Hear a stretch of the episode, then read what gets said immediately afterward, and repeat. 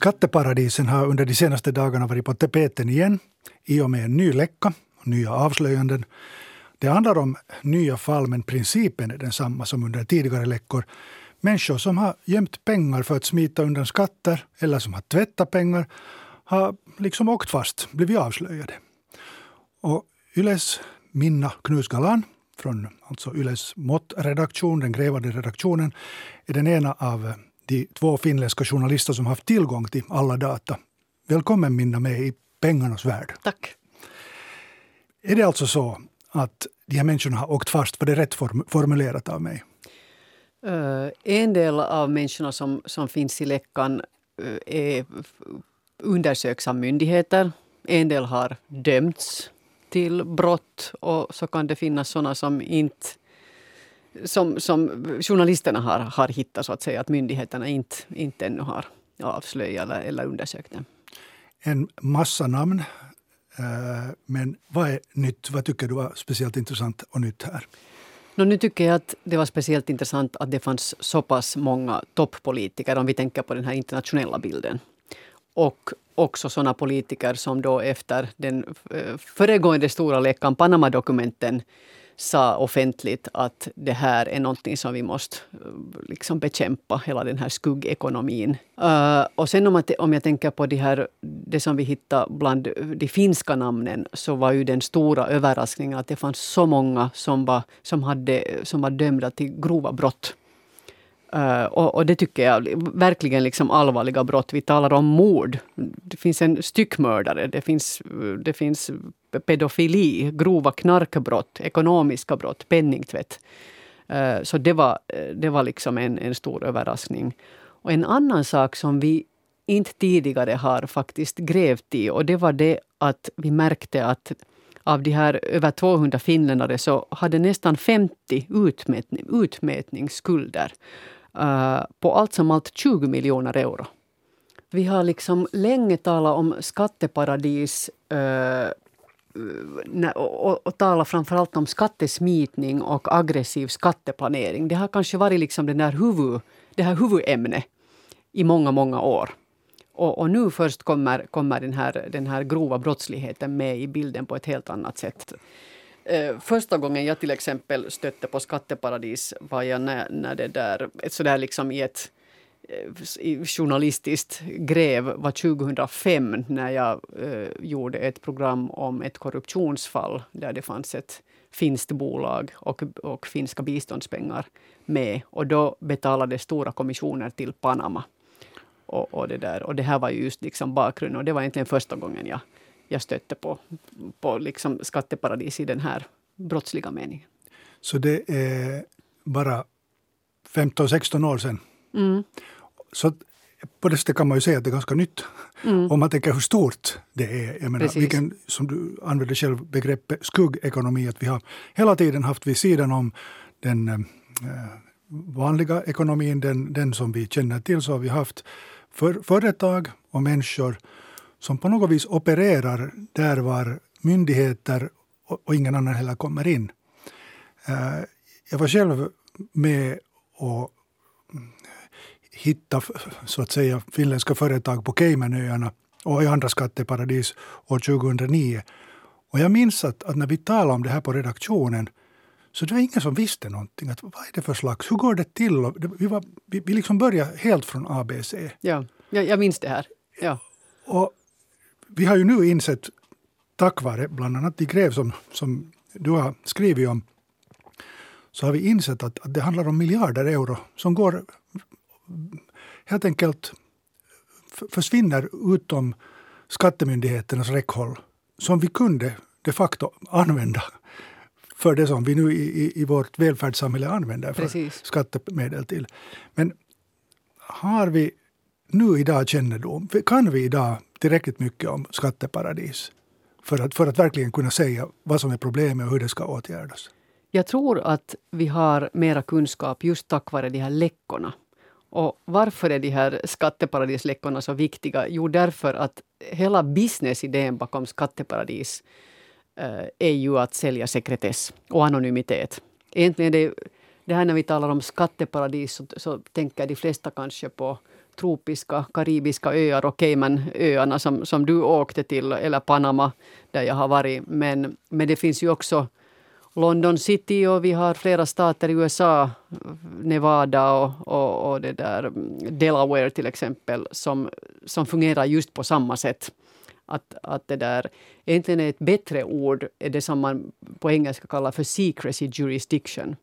Och då kommer det fram det, liksom den här sekretessen. Det, det är ju egentligen det som är den här, det här esse som de har i sin, i sin ärm som de säljer.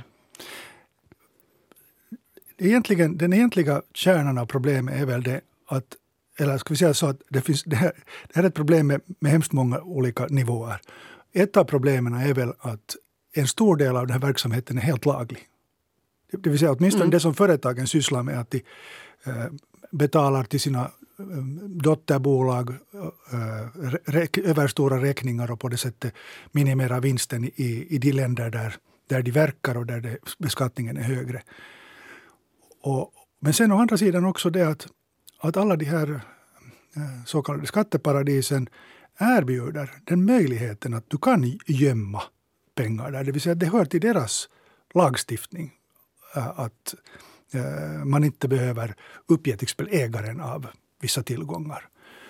Hur, hur ska man komma åt en sån sak? Då? Alltså om vi börjar med, med just det att, att till exempel någonstans i Panama så tydligen är det alldeles okej okay att för, för, Panama, staten Panama är det okej okay att, att jag flyttar mina pengar dit och ingen vet vem som äger vad. Det är okej okay, till och med i Finland.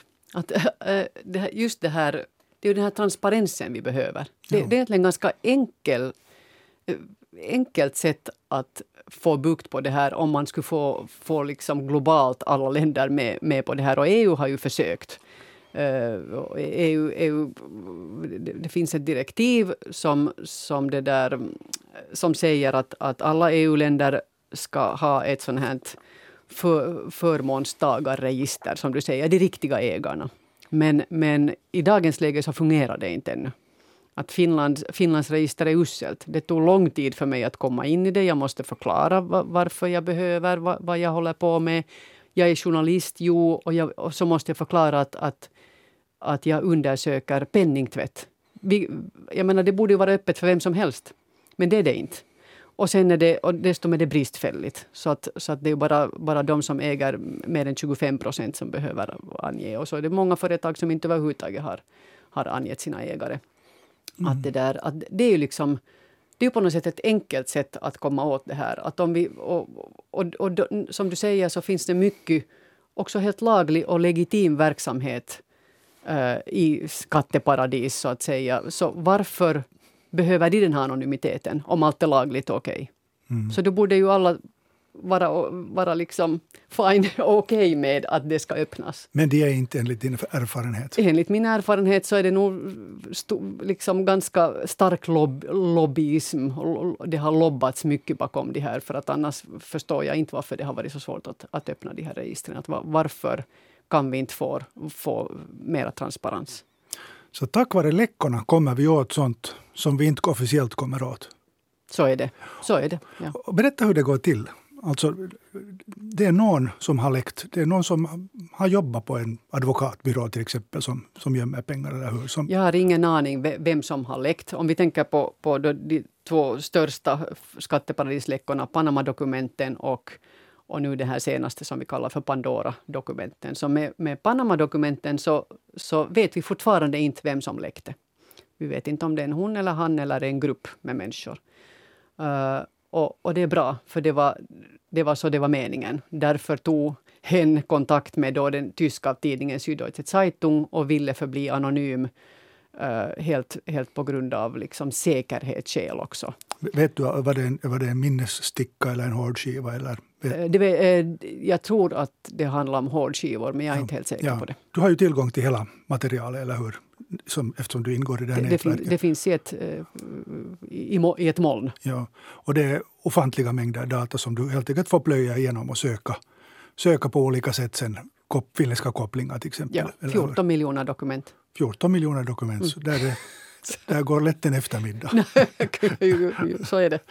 Eh, så kan man säga, utan de här läckorna skulle vi inte komma åt det här, de här uppgifterna. Så är det, eftersom, eftersom hela, hela businessidén är just den här anonymiteten och sekretessen. Så att utan läckor så kommer vi inte åt det här. Och det är ju det som är idén och det är ju det som man ser de här otroliga eh, mönstren och, och liksom spindelväv av företag som görs för att, att det ännu ska finnas liksom ett skikt av sekretess och ännu ett till och så, och så kan man ännu få liksom bulvaner och, och det finns en massa olika tjänster som gör att det blir hemligare och hemligare och hemligare och jättesvårt att komma ända fram. Och det är ju det som är idén, att myndigheterna inte ska komma fram till, till den riktiga ägaren. Vi sitter här i pengarnas värld med YLE-journalisten Minna Knusgalan och diskuterar skatteparadis. Minna, du har varit med i, i flera läckor, eller ska vi säga så, du har varit med och tagit fram uppgifter från flera läckor. Är det, är det för, det här en, för dig en... Är, är det liksom bara jobb? Är det en praktisk sån ekonomisk fråga att, att, att eh, det här är nu hör till journalistens uppdrag? Eller känner du liksom också moraliskt, liksom, är du indignerad, är du arg? uh, no, jag är ju framförallt journalist och, och, jag gör det här för att det är intressant uh, journalistiskt och för att här finns samhälleligt viktiga uh, storyn, ja. tycker jag, att gräva fram. Uh, nu, nu är det här ju en fråga om jag, jag, ser det också som en stor liksom, orättvisa. Att vi har den här, som vi talade tidigare om, den här skuggekonomin på sidan om den här lagliga ekonomin. Uh, som, som liksom också undergräver vet du, välfärdssamhälle och liksom mm. hela filosofin kring det här. Att ska vi verkligen be, vi, vi betalar våra skatter och så finns det någon som shoppar så att säga egna lagar, att de väljer att, att nej, att jag, jag, vill, jag använder den, den där lagstiftningen i det där landet och sen, vill jag, sen kanske jag köper ett gyllene pass härifrån och då kan jag välja vet du, att, att på något sätt en, helt, en parallell värld. Eh, så, så det tycker jag är den, den stora orättvisan. Och, och, och sen ser jag ju också den här, den här korruptionen, globala korruptionen. Eh, och den jättestora frågan när man jämför till exempel biståndspengar som ges till Afrika. Eh, och så har både OECD, Organisationen för ekonomiskt samarbete och utveckling och FN räknat ut att en ännu större summa strömmar ut till skatteparadis från Afrika än den här, den här biståndssumman. Så det är, liksom, det är så otroliga, det är så stora saker.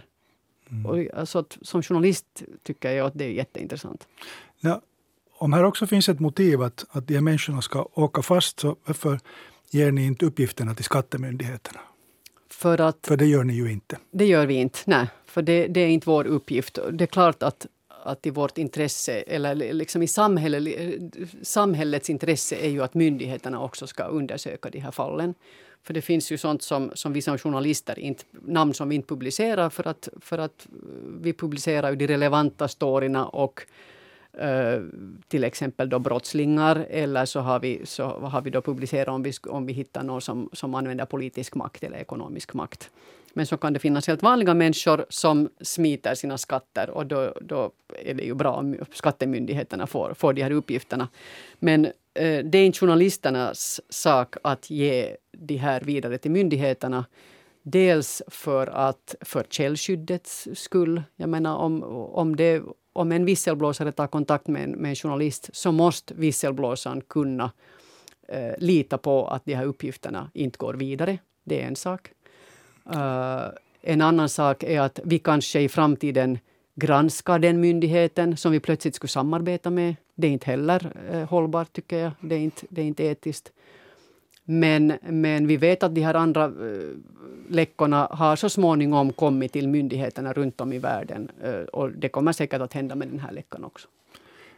Om, om jag lite vänder på, på, på, på steken så kunde jag också fråga att går ni, finns det risk för att ni liksom eh, samtidigt att ni drar liksom lite alla över samma kam? Att bara för att något bolag har haft någon business som har inkluderat Caymanöarna då, så be behöver inte betyda att de varken har smitit undan skatter eller gjort något som helst olagligt eller ens liksom omoraliskt på något plan. Utan det har bara varit så att det har varit någon internationell överenskommelse och det finns någon fond där någonstans och, och sen har de betalat skatterna precis som, som, som de ska.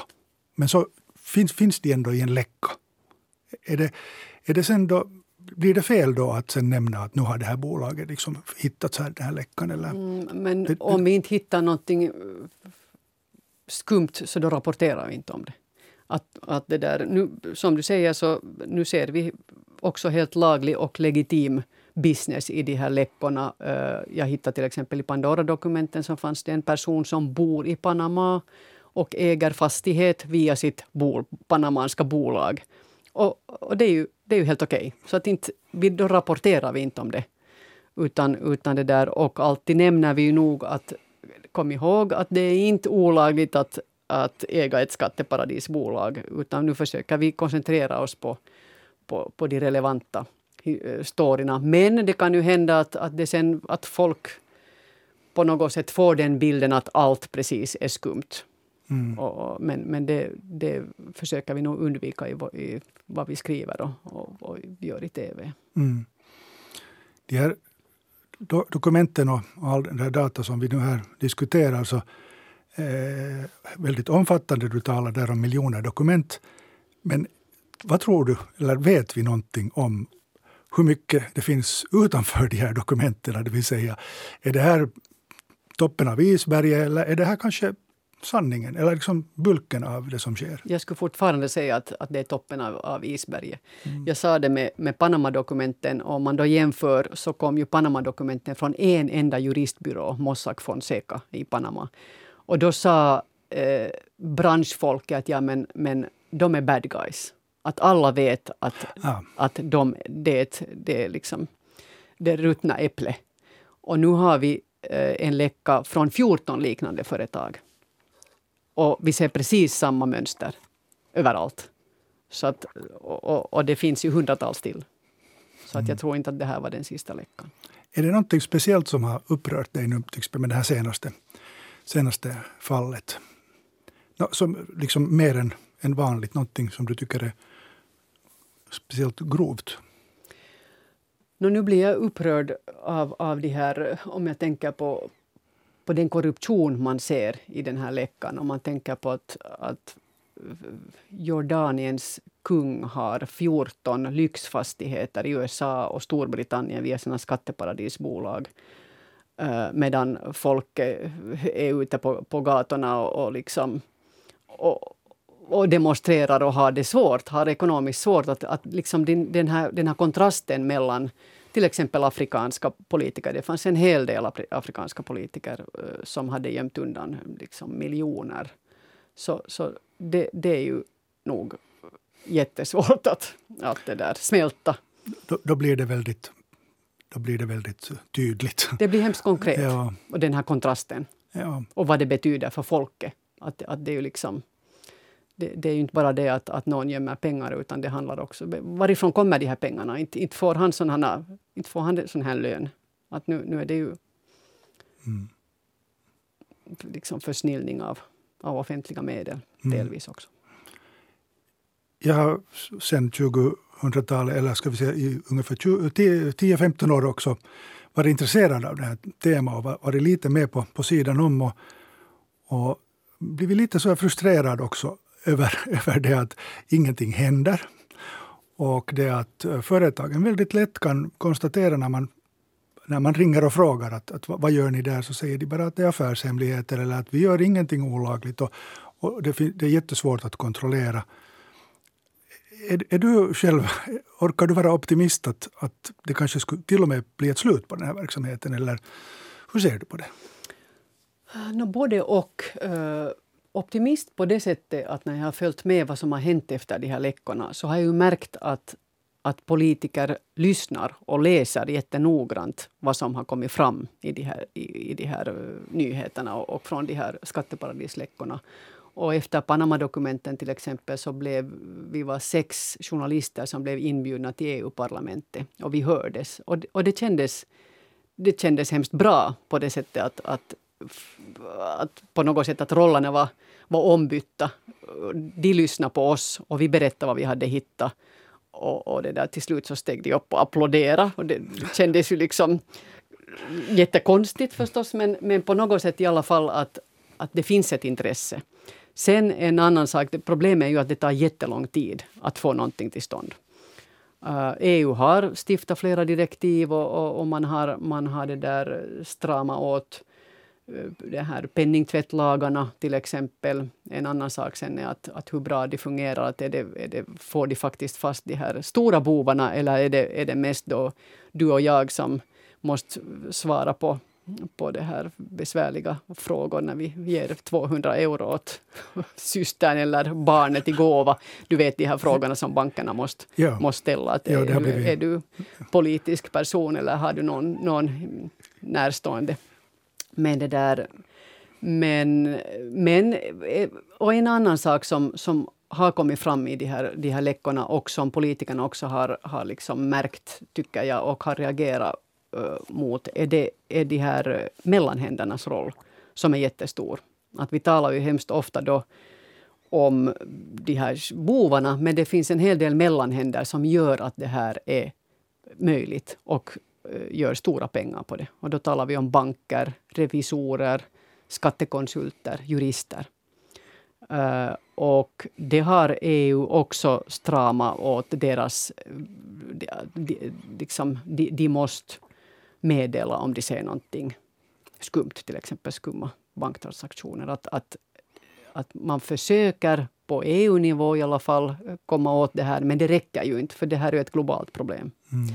Och sen är det den här saken just med, med, med de riktiga ägarna. Att det är någonting som, som borde förbättras. Och, och, och det har nu vissa EU-parlamentariker sagt att, att de ska ta itu med efter Pandora-dokumentet. Så vi får se. Mm.